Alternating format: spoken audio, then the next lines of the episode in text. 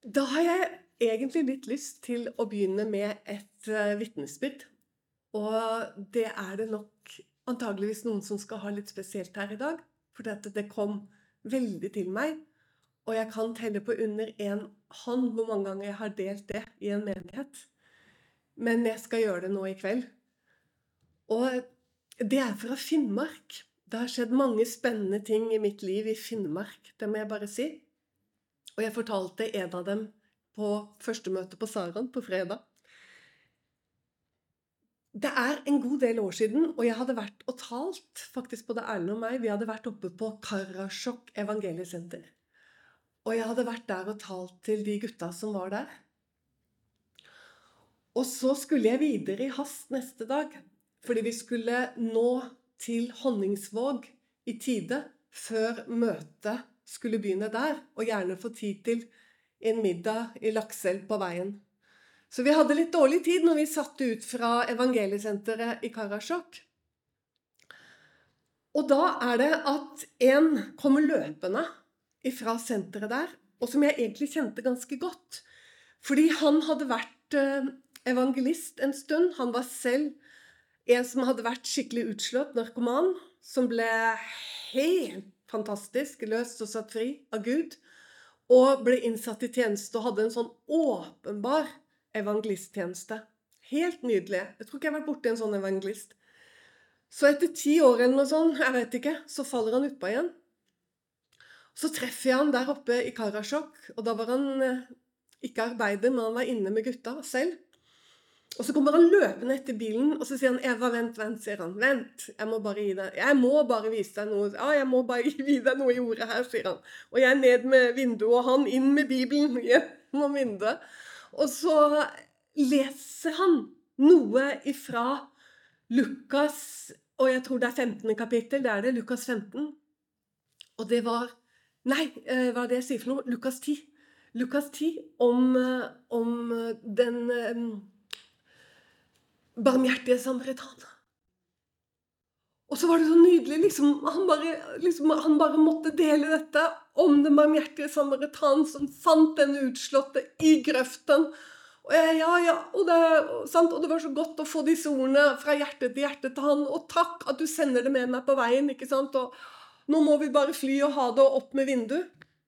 Og så suser vi av gårde. Og når vi er midt oppe på Finnmarksvidda, det hadde gått 20 minutter, en halvtime, og det var januar, og det var 20 grader eh, minus, 20 grader eh, kanskje enda mer. Iskaldt. Og, og, det var så kaldt at eh, jeg satt i baksetet, og hun som kom fra Honningsvåg og skulle ta oss dit, hun kjørte, og Erlend satt foran ved passasjersetet. Jeg sitter bak med beina opp og sitter med Bibelen på fanget. Og så er vinduene frosne bak meg, og jeg lener meg liksom mot vinduet.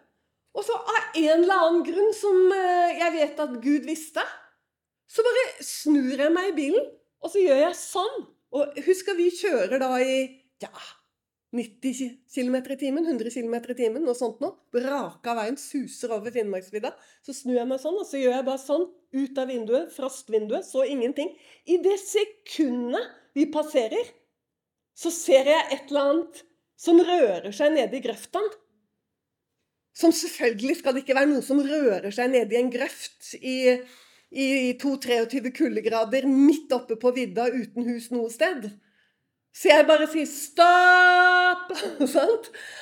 Og vi stopper bilen, og Tone, som hun het, rygger bakover.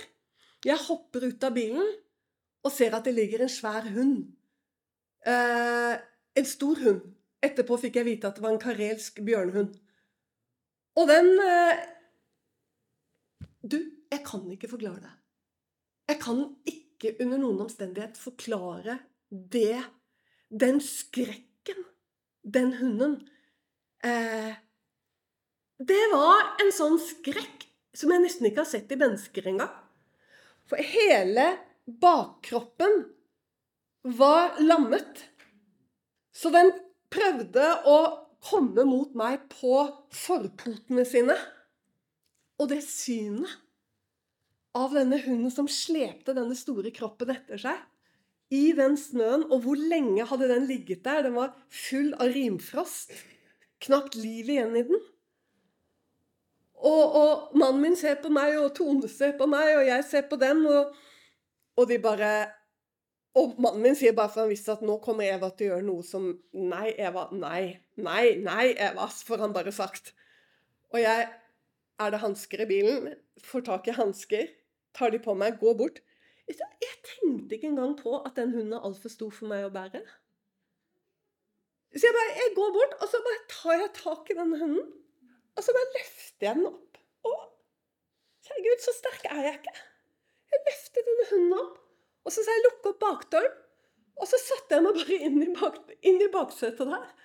Så legger denne enorme hunden, som ikke kjenner meg, vet ingen, ingen Og sikkert var kjemperedd.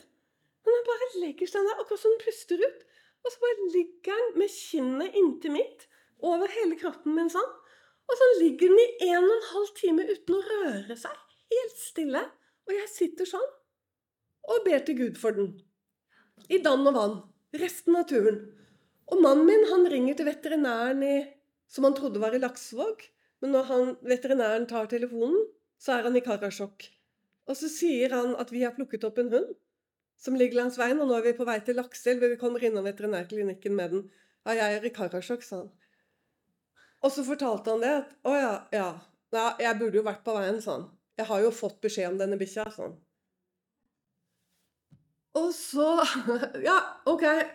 Han skulle forte seg som bare det, så skulle vi møtes i Gjøre en lang historie kort. Kommer til Lakselv.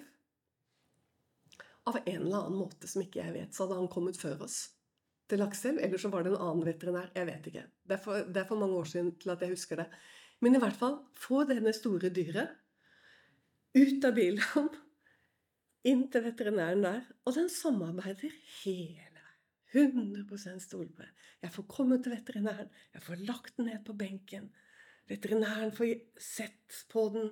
Vi på en måte, Jeg tror vi betalte og gjorde alt opp for oss der sånn. Han tar seg av hunden, kommer ut til oss. Vi sa vi måtte dra, så sier han dessverre, jeg tror jeg må avlive den. For jeg tror ryggen er knekt, sier han.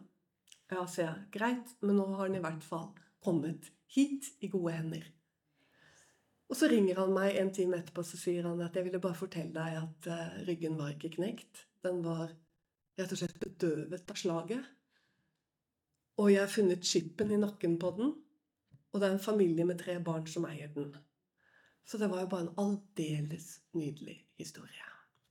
Så tenker du, Eva, hvorfor forteller du en historie om en hund i et møte? Men det skjønner du jo, ikke sant? Det finnes jo ikke noe tilfeldig av at eh, denne, som jeg ikke vil nevne med navn, denne evangelisten som hadde falt utpå, som leste dette for meg om det barmhjertige samaritan, som kom over denne som lå slengt i en grøft, slått sønder og halvdød. Og at jeg da, i det sekundet jeg kjører forbi denne hunden Alt var jo i regi av himmelens Gud. Fullstendig. Fordi han ville tale. Og han ville vise meg noe som var vidunderlig, som jeg også fikk lov til å ta med meg til Honningsvåg. Og jeg tror nesten det ble vekkelse i det møtet. Det var helt fantastisk. Men hvordan Gud gjør dere. Også, men det jeg undret meg på For det første så undret jeg meg på For jeg fikk jo vite da at jeg, denne hunden var ringt inn av de som hadde kjørt på han. Og da undret jeg meg over En ting er at du ikke tør å ta i hunden. Det er ikke alle som tør det. Ta i en hund som er skadet. Sant? Så vi kan, vi kan ikke dømme om det. Men å reise fra en hund som ligger halvdød i en grøft, det, det, da blir det litt mer underlig. Det var det ene jeg undret meg over. Det andre jeg undret meg over, det var veterinæren. Som ikke hadde kommet seg av gårde, men som drøyet med å dra ut men egentlig takk og lov, for hadde han dratt, og det sa han til meg, da hadde han avlivd den i grøften. Så han var så glad for at det var jeg som hadde tatt den opp og tatt den med, for det viste seg jo at det var håp for dette dyret. Ok, det var en hund. Men dere Hvis vi da går til denne lignelsen, som er kanskje den mest kjente lignelsen Kanskje en av de lignelsene som til og med de som ikke regner seg som kristne, kjenner. Lignelsen om den barmhjertige samaritan. Jeg mener du skal være ganske ung i dag for ikke å ha fått med deg denne eh, historien som Jesus fortalte til, eh, til den lovlærde, og den finner du i det tiende kapitlet i evangeliet eh, fra Lukas. Og la oss eh, fordype oss litt her. Og se, en lovlærd sto fram og fristet ham og sa, Mester, hva skal jeg gjøre for å arve evig liv? Han sa til ham, Hva er skrevet i loven? Hvordan leser du den? Han svarte og sa, Du skal elske Herren din Gud av hele ditt hjerte og hele din sjel og all din kraft og av hele ditt sinn, og din neste som deg selv. Det underlige her i begynnelsen Det er mye som er underlig. Men eh, det er først og fremst underlig for meg. Samtidig så er det jo eh, fra hans ståsted ikke så underlig med tanke på hvordan denne lovlærde er oppdratt. Hva skal jeg gjøre for å få evig liv? Og for oss så synger det, eller det høres, eh, det høres ut som et håpløst prosjekt, og det er det. Men det som kanskje er litt mer overraskende, det er jo da eh, Jesus sitt svar. Eh, og han er så vis. For jeg tenker, hva ville jeg svart hvis noen hadde sagt det? Jeg ville sannsynligvis sagt noe helt annet, som kanskje ikke den personen hadde noen forutsetning til å forstå. Fordi vi er ofte så ivrige etter å si det som vi vet så godt. Og hvorfor gjorde ikke Jesus det, liksom? Men han sier noe helt annet. Han svarer ikke, han bare spør. Og så sier han at eh, han sa til ham, 'Hva er skrevet i loven?' Hvordan leser du den? Og da viser det seg at denne lovlærde, han er ikke så dum. Han har skjønt noe helt grunnleggende. Og det er kanskje derfor han Kanskje spør han helt oppriktig, egentlig. Hva skal jeg gjøre for evig liv? For han vet at han har ikke evig liv. Han kjenner ordet, han er lovlærd. Han kjenner Skriftene. Han er virkelig en som kjenner Skriftene. Hva skal jeg gjøre? Det står at han er ute etter å friste, men eh, det kan ha gått dypere enn det. Så sier han dette Du skal elske Herren din Gud av hele ditt hjerte og hele din sjel og av all din kraft og hele ditt synd. Han hadde ikke behøvd å si det, liksom. Men det er jo fantastisk at han sier det. Men det er enda mer fantastisk det han legger til. For han sier og du skal elske din neste som deg selv. For du skjønner det, i Shma Israel, som er jødenes hva skal du si, trosbekjennelse, den begynner sånn Shma Israel, det betyr hør Israel. Herren din Gud er én. Og du skal elske Herren din Gud av hele ditt hjerte og hele din sjel og av all din makt. Eller av hele ditt sinn. Så det visste han veldig godt, så det var ikke så rart at han sa. Men det var uansett bra. Men det fantastiske var at han legger til noe som ikke ble talt veldig ofte, men som står i loven. Og det finner du i tredje Mosebok i det 19. kapittel. Der står det. Det er ikke noe Jesus kom med. Der står det du skal elske din neste som deg selv. Så han leste loven rett. Han svarer rett. Og så sier Jesus du, Sier han ikke noe sånt nå? Du er ikke langt borte fra Guds rike eller noe sånt nå? Nei, det er ikke til han han sier det. Han sier du har svart rett. Og så sier han gjør dette, og du skal leve. Gjør dette, og du skal leve. Og da, vet du, da ble det verre. Jesus er så smart. Han, han er ikke bare smart, men han er så, han er så ren i det han sier. For han taler helt sant. Hvis du kan leve i det, så har du livet. Da har du livet. Men han visste jo at han kunne ikke leve i det. Det var bare Jesus som kunne leve i det. Han kunne ikke leve i det. Ingen kunne leve i det. Det sto til og med i deres egne skrifter det at det fantes ikke én god. Det finnes ikke én som gjør rett. Så også dette visste hans folk. Gjør det. Og så står det for å få det fokuset vekk, vet du, og for å gjøre seg selv rettferdig. Hvem er da min neste?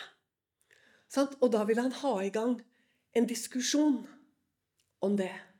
Og så gjør Jesus dette utrolige, og så forteller han denne fabelaktige lignelsen.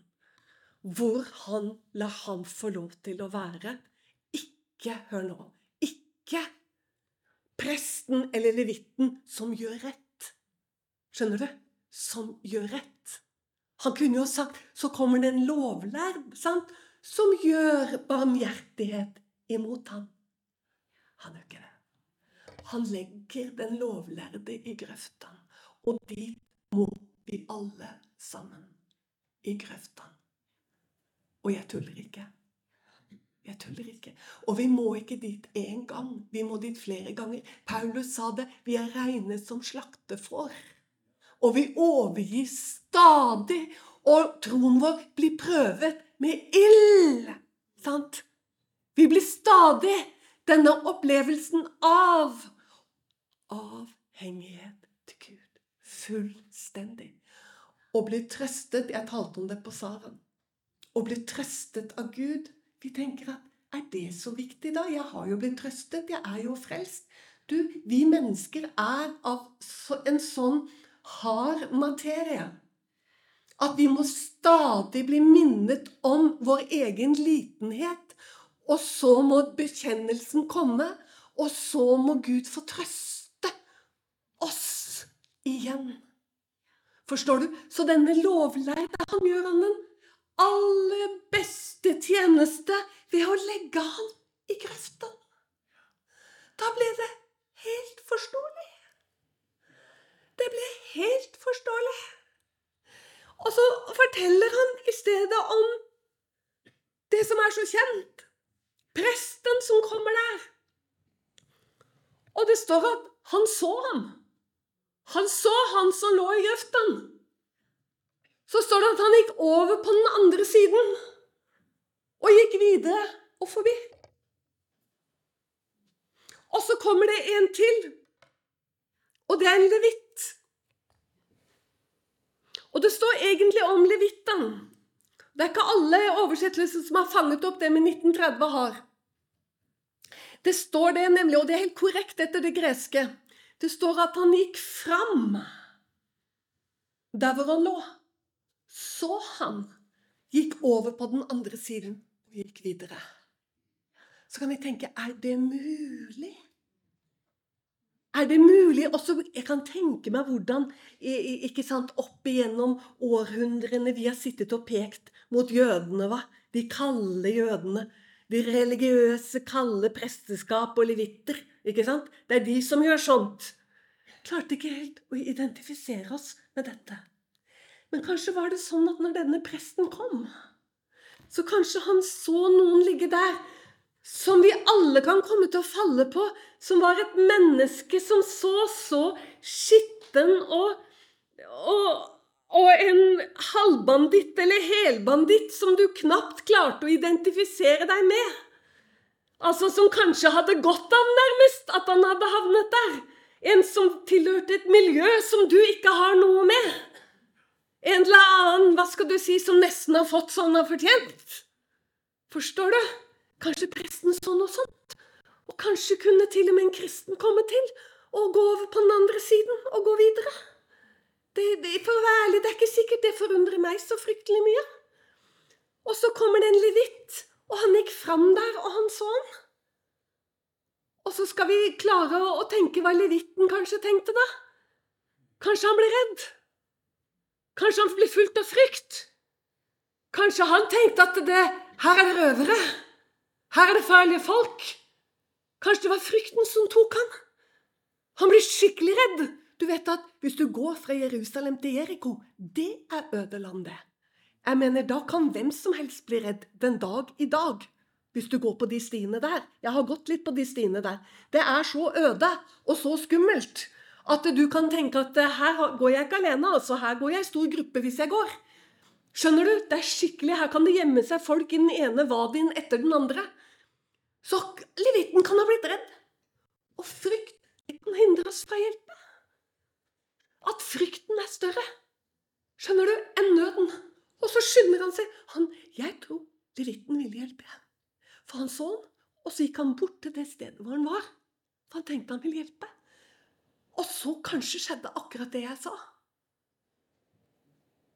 Forstår du? Og presten, da, hvis det var en sånn som han Han har nesten sånn fortjent, og han er prest. Han kan ikke ta borti møkk og blod og Skjønner du? Du Så kommer det den tredje, og det var en samaritan. Og det som er så nydelig med det, er at han har nok vært i grøften selv. For han var en fremmed, han var en utstøtt. Han var en som ikke ble regnet med, og som var vant til at når han ferdes i jødeland, så måtte han gå raskt, kanskje. Og det var ikke mye vennlighet å møte, og det var ikke mye kjærlighet å møte. Fordi han var en samaritan. Så står det det. Og hva er som er forskjellen, den virkelige forskjellen på levitten, presten og samaritanen? Det tror jeg du vet, men da vil jeg minne deg på det her i kveld. Det, det vi vanligvis hører, er jo at han, han handlet. Han. Han tok tak i han og hjalp. Sant? Vi har fokuset på handlingen. Vi har fokusen på liksom å gjøre rett. Samaritanen gjorde rett. Men det viktigste, det var Han ynket seg inderlig, står det. Og dette ordet på gresk betyr å ha vondt i innvollene. Skjønner du? Altså, det er, det er det ordet som er det rette ordet for å ha medlidelse. Altså, du lider med. Og det var dette som gjorde at han handlet. Han led med. Og den type hjelp det er den hjelp kristne må gi.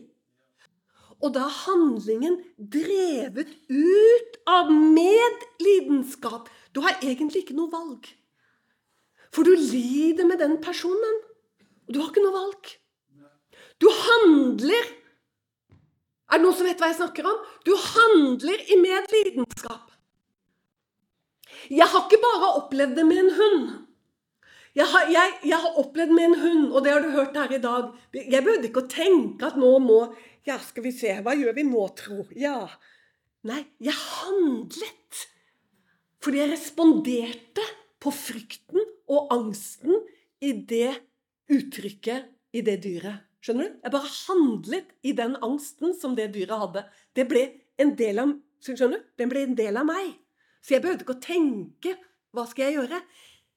Jeg har også opplevd jeg har gått forbi en sigøynerkvinne som satt ute i 15 kuldegrader. En ung kvinne.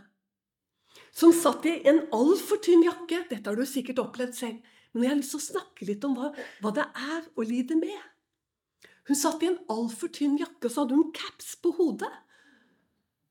Og så fikk jeg bare en sånn følelse når jeg gikk forbi, når jeg så denne ryggen, og kulda og bare den der papplaten hun satt på, og capsen som var sånn, så tittet jeg litt ned sånn. Så du? jeg gjorde litt sånn som levitten. Men det er dette skjønne at Gud har utøst sin kjærlighet i vårt hjerte for at vi skal tørre å gå helt borti det som er sårbart, det som er knust, det som er elendig. For du har fått Guds kjærlighet. Så istedenfor å liksom Ja, her går vi forbi. Skjønner du? Og om du ikke har tenkt å legge 20 kroner, eller du ikke har penger, så for Guds skyld, se det mennesket! Forstår du? Og jeg er så glad jeg fikk nåde. For jeg skal ikke, jeg skal ikke si at ikke jeg hastet forbi noen ganger. Men jeg er så glad at Gud ga meg nåde til å titte ned under den capsen. Og der så jeg en nydelig ung kvinne, yngre enn meg selv.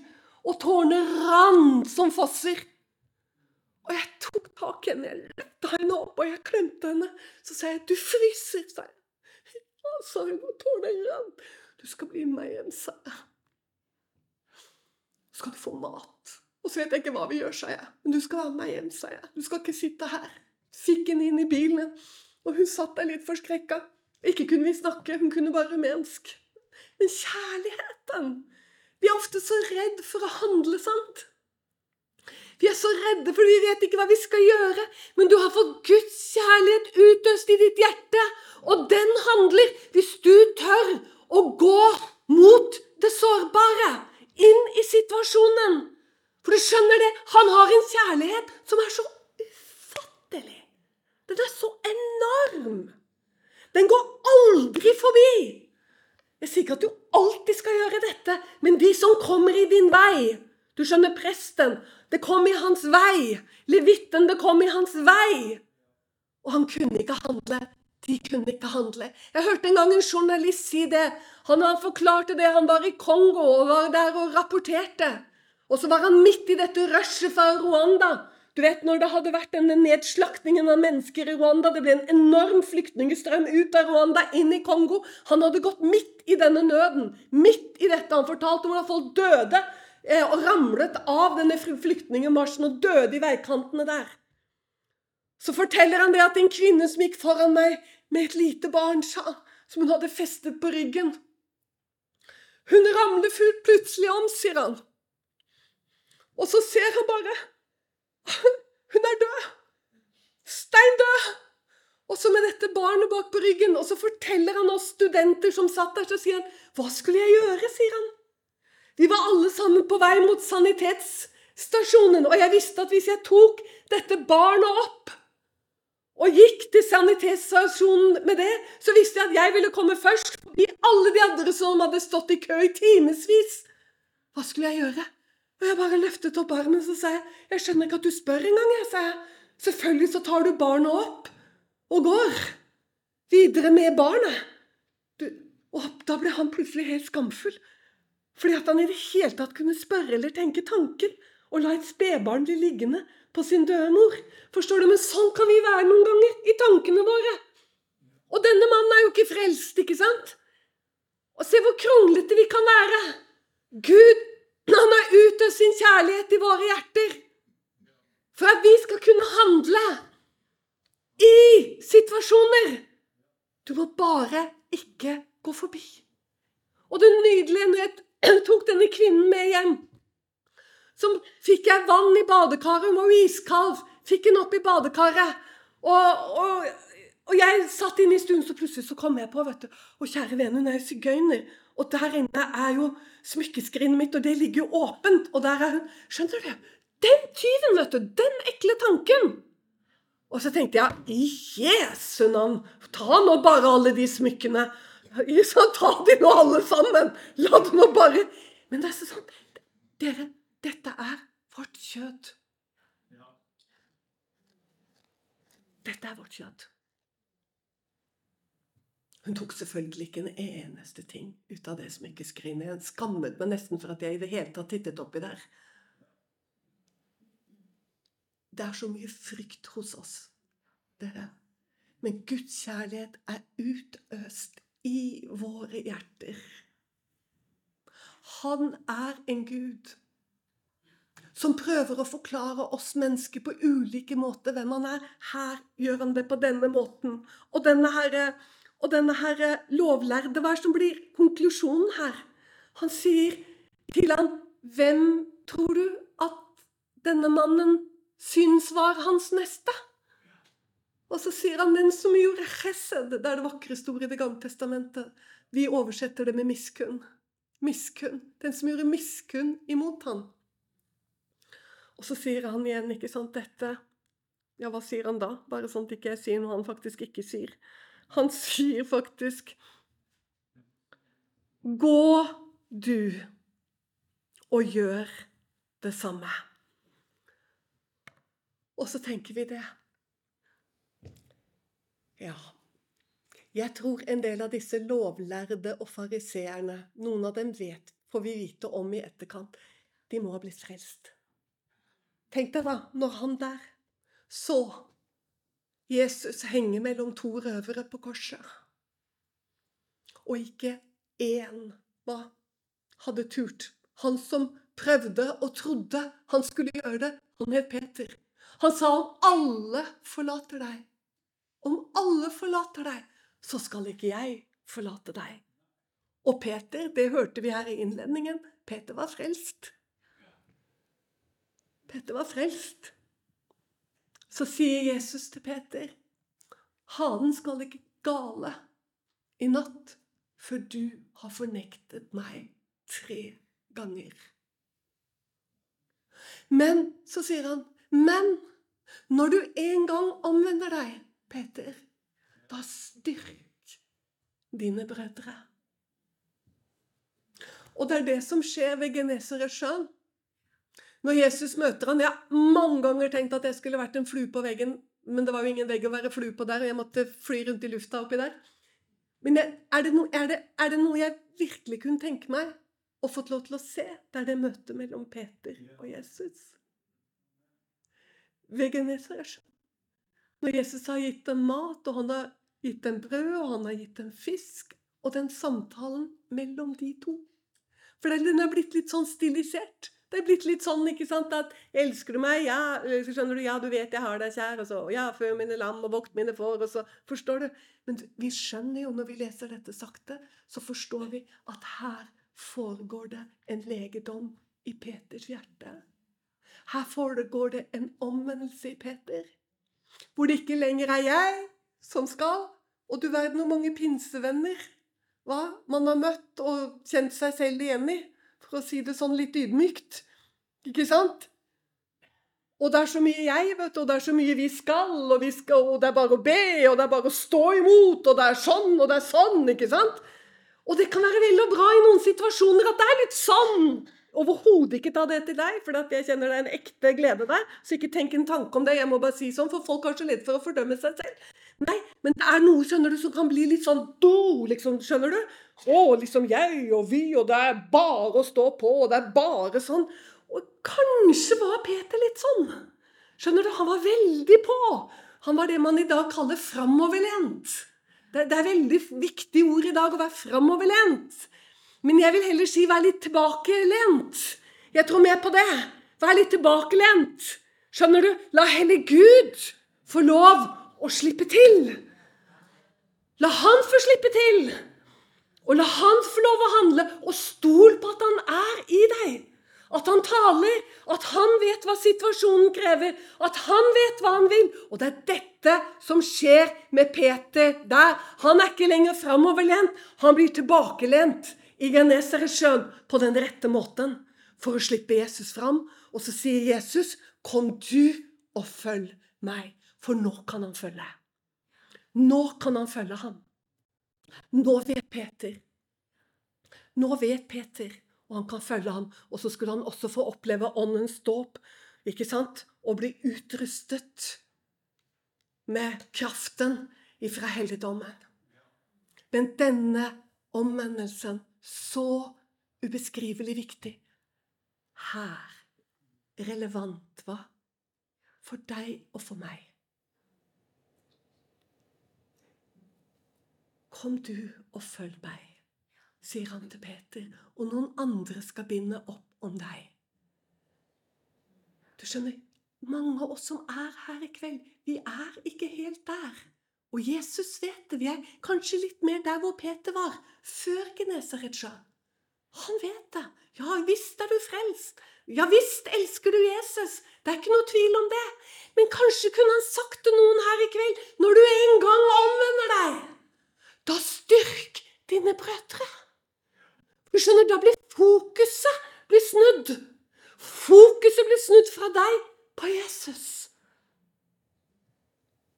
Halleluja, denne Gud. Han er helt fantastisk. Han er så enn oss. Og så er det en annen lignelse som vi skal ta med også på slutten her. Og det er, står hos Lukas, det òg. De beste lignelsene står jo gjerne hos han, altså. Og det er det femtende Nei, eh, jo, det er det 15. kapittelet. Det 15. kapittelet. Og det er like kjent nesten som 10. kapittel. For i det tiende kapittelet så er det dette med samaritane. Altså det er, det er disse lignelsene hvor Guds kjærlighet blir åpenbart. Som er så annerledes enn oss. Og som er så modig. Hans kjærlighet er så modig. Han etterjager oss. Han er ufattelig modig. Han går der hvor ingen andre tør å gå. Og her ser du noe av den modige Guds kjærlighet. I denne hva skal du si, nesten latterlige, lille barnlige lignelsen om det fortapte får. Så du skjønner, det er ikke bare Eva som snakker om hunder. Jesus, han snakket om får. Ofte og flere ganger, og i Gamle testamentet talte han også om får til sine profeter. Og hør her, alle toller og syndere holdt seg nær til Jesus. Interessant.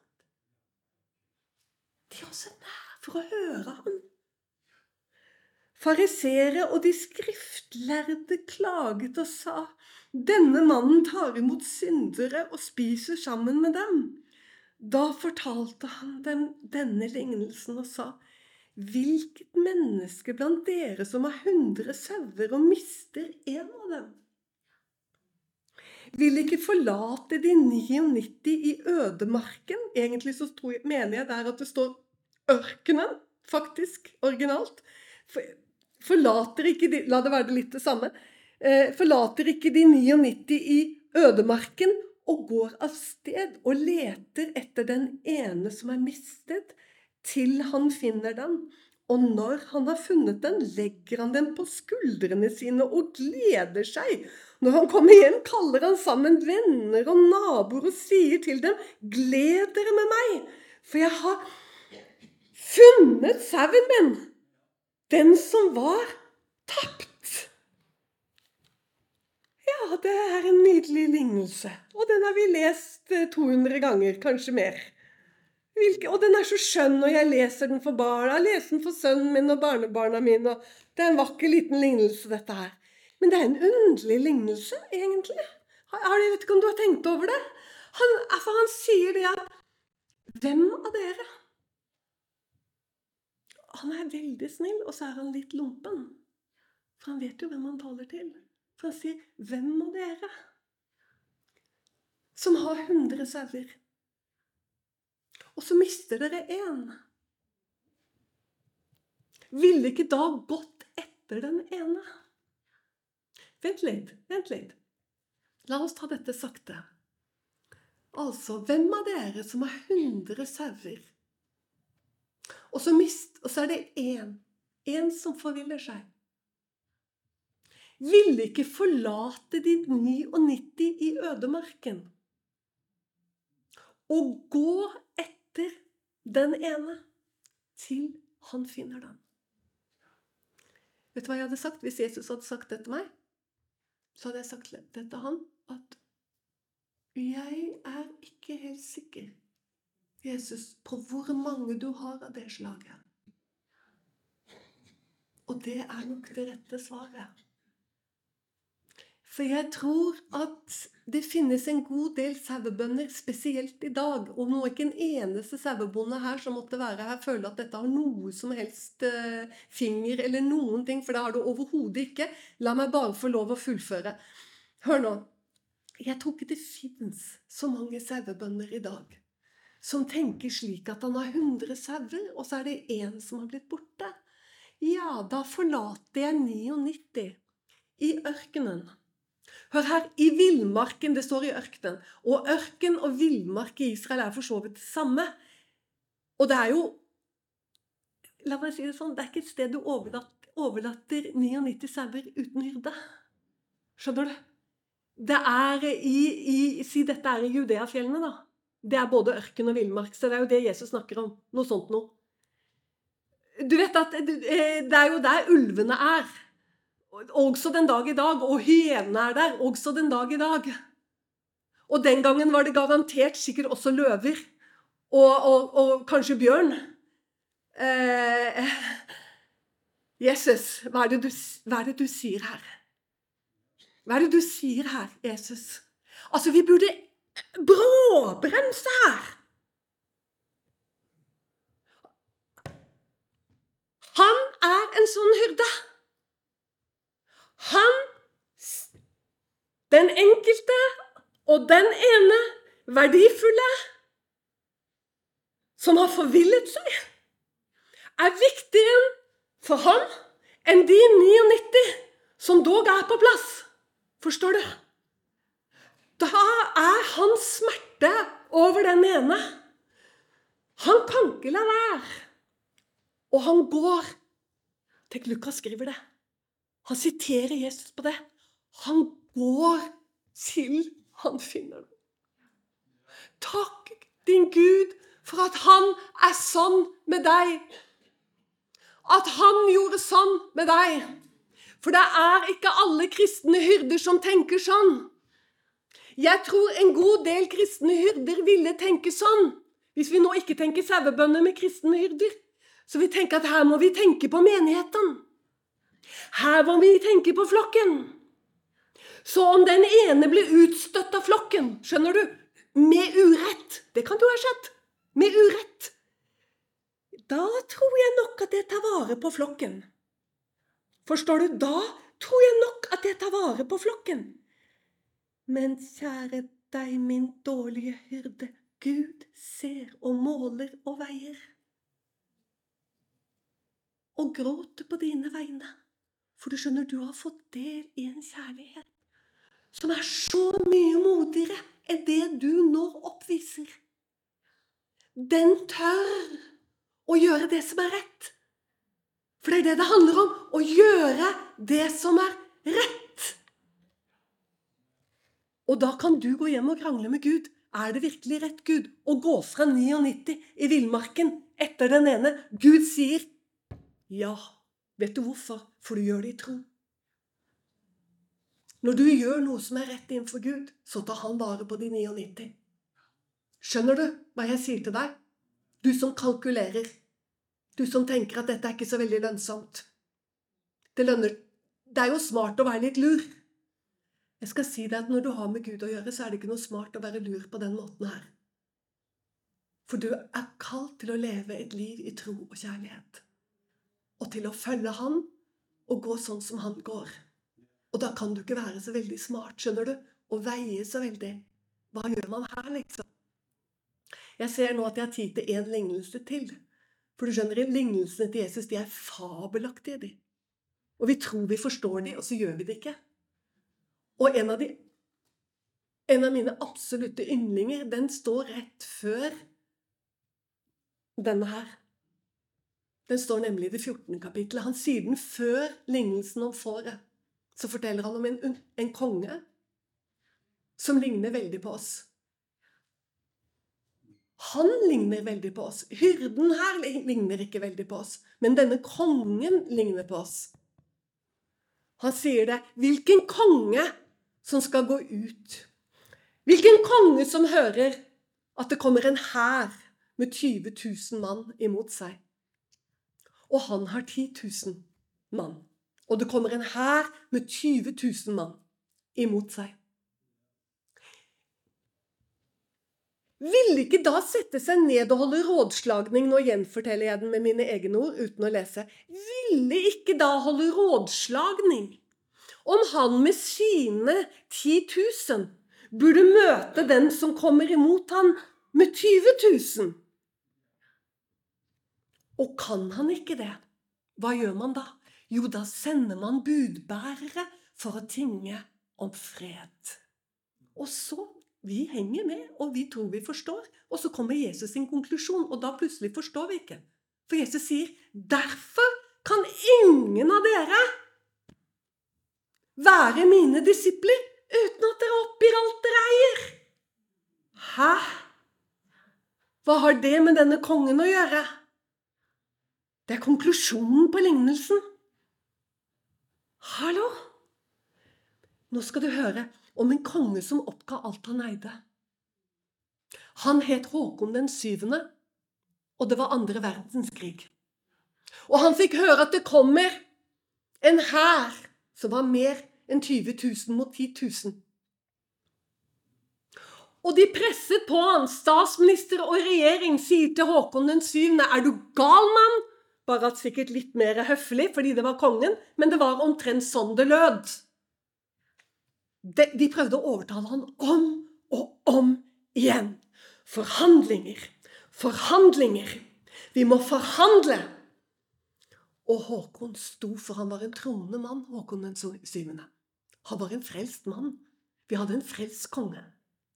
Han sto der, og han sa ingen forhandlinger og ingen Det var en ting til. Altså ikke forhandlinger og ikke altså Det var jo snakk om da å gå inn i kompromiss. Ingen kompromiss og ingen forhandlinger. Noe sånt noe.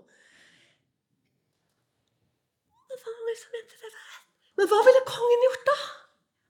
Hvis han gjorde det? Hør du hva jeg sier? Hva ville kongen gjort da? Da ville han satt de som var svake i sin nasjon, og som var utsatt for nazismen, i den aller største fare. Forstår du? Noen ganger må vi stå. I små ting og i store ting i livet. Du må ikke stå som Håkon den syvende, men du må det likevel. Du som må stå for Guds ord. Det er ting i livet vi kan ikke gå på kompromiss. Tenk hvordan, tenk hvordan kirken og biskoper har stått som denne kongen. Det kommer ting imot dem. Da kommer press. Da kommer trykk. Helt vilt trykk. Du vet ikke engang hva disse biskopene har stått i av trykk. Og de sender ut forhandlinger, for de greier ikke å stå i det trykket. Skjønner du? Hvorfor greier de det ikke? Hør hva jeg sier. For de har ikke oppgitt alt de eier. Du må ha oppi alt du eier hvis du skal Hør nå, ikke være frelst eller tro på Gud, men hvis du vil følge Jesus og være hans disippel, så må du oppi alt du eier. For du skjønner du kommer til å bli prøvd. Akkurat som Jesus sa til Sat. Så de sa til Peter Satan har krevd å sikte dere som vet det. Og det kommer til å gjøre med oss alle. Men så er det sånn at alle ting virker til gode for den som elsker Gud. Så havner du i grøften til og med, kanskje, for du blir så sikta at du faller i synd og havner i grøften. Så finner han deg i grøften. Og så bruker han hele grøftegreia som han gjorde med min venn oppe på evangeliesenteret i Karasjok, til å bare reise han opp til en enda mer velsignet evangelist. Skjønner du? Sånn er Gud. Han finner deg. Han etterjager deg med sin miskunn. Men du skjønner, det nytter ikke å gå i forhandlinger. Og hvor mange er det ikke som nå detter og kommer til å dette framover, og Gud bevarer dem så de ikke detter? Skjønner du? For presset blir trygt. Det kommer fra familien, det kommer fra menigheten, det kommer fra nettverkene. Hører du hva jeg sier? Nettverkene. Det blir sånn press at enten så går de av som ledere, for de orker ikke mer, de klarer ikke å stå i presset, eller så bøyer de av som denne kongen. Sender ut budbærere, går inn i fredsforhandlinger med de du ikke skal handle fred med.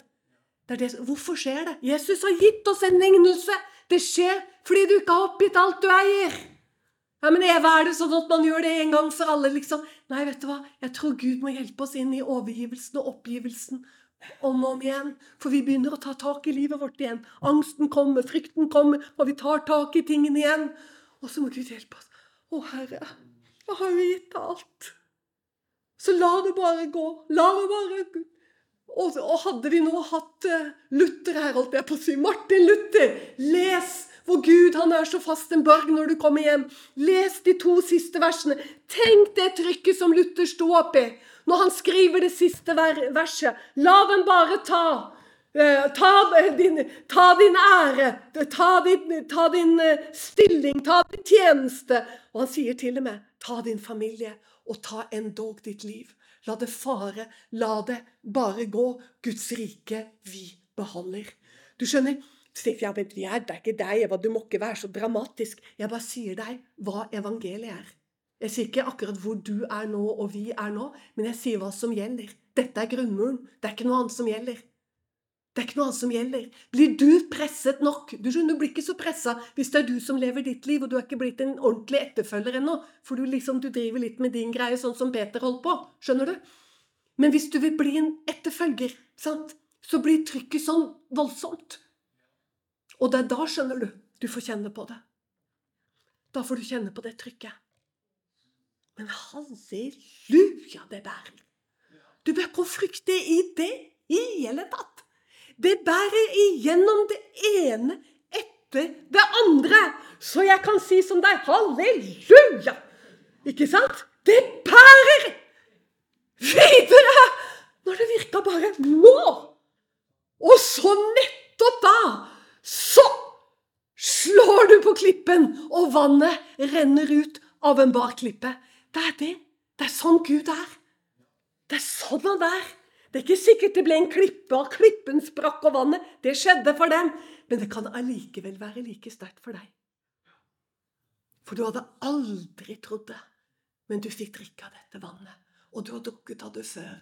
Og du må drikke. Men det er sånn vi lever. Paulus sier det. Vi som lever med Kristus, hva?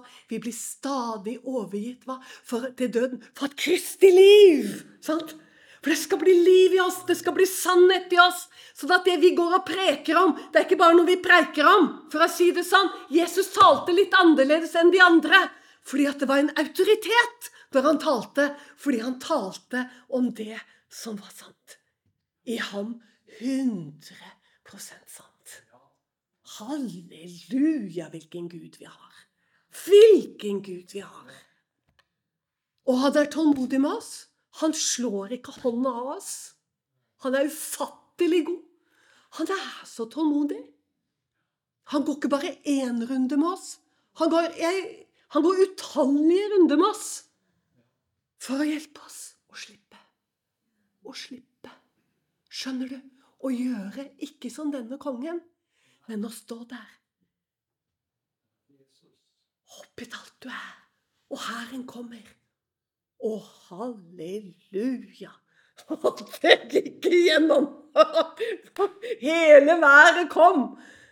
Men han bar meg gjennom det hele, og her står jeg på den andre siden. Jeg vet litt hva jeg snakker om her jeg står. Og jeg vet at en del av dere som hører på, vet litt hva jeg snakker om. hva? Jeg vet ikke, sant? Jeg har ennå masse å lære, men jeg vet litt hva jeg snakker om. Jeg kan bare love deg det bærer igjennom. Uansett bærer det igjennom. Og en dag så bærer det like hjem. Og det er det han som bestemmer når den dagen kommer. Vi kan ikke legge en alen til vår livslengde. Noen ganger så tror jeg mange har stått og bedt seg blå og grønn i ansiktet. altså. Og så virker dette at vi kan ikke legge en alen til livslengden. Han vet når han skal ha en sjel hjem, og da tar han den hjem, altså. Men inntil den dagen, vær frimodig. Det er, det er nåde å få, det er legedom å få, det er hjelp å få, det er frelse å få, det er nytt liv å få. Takk og lov, la oss reise oss opp her sånn nå.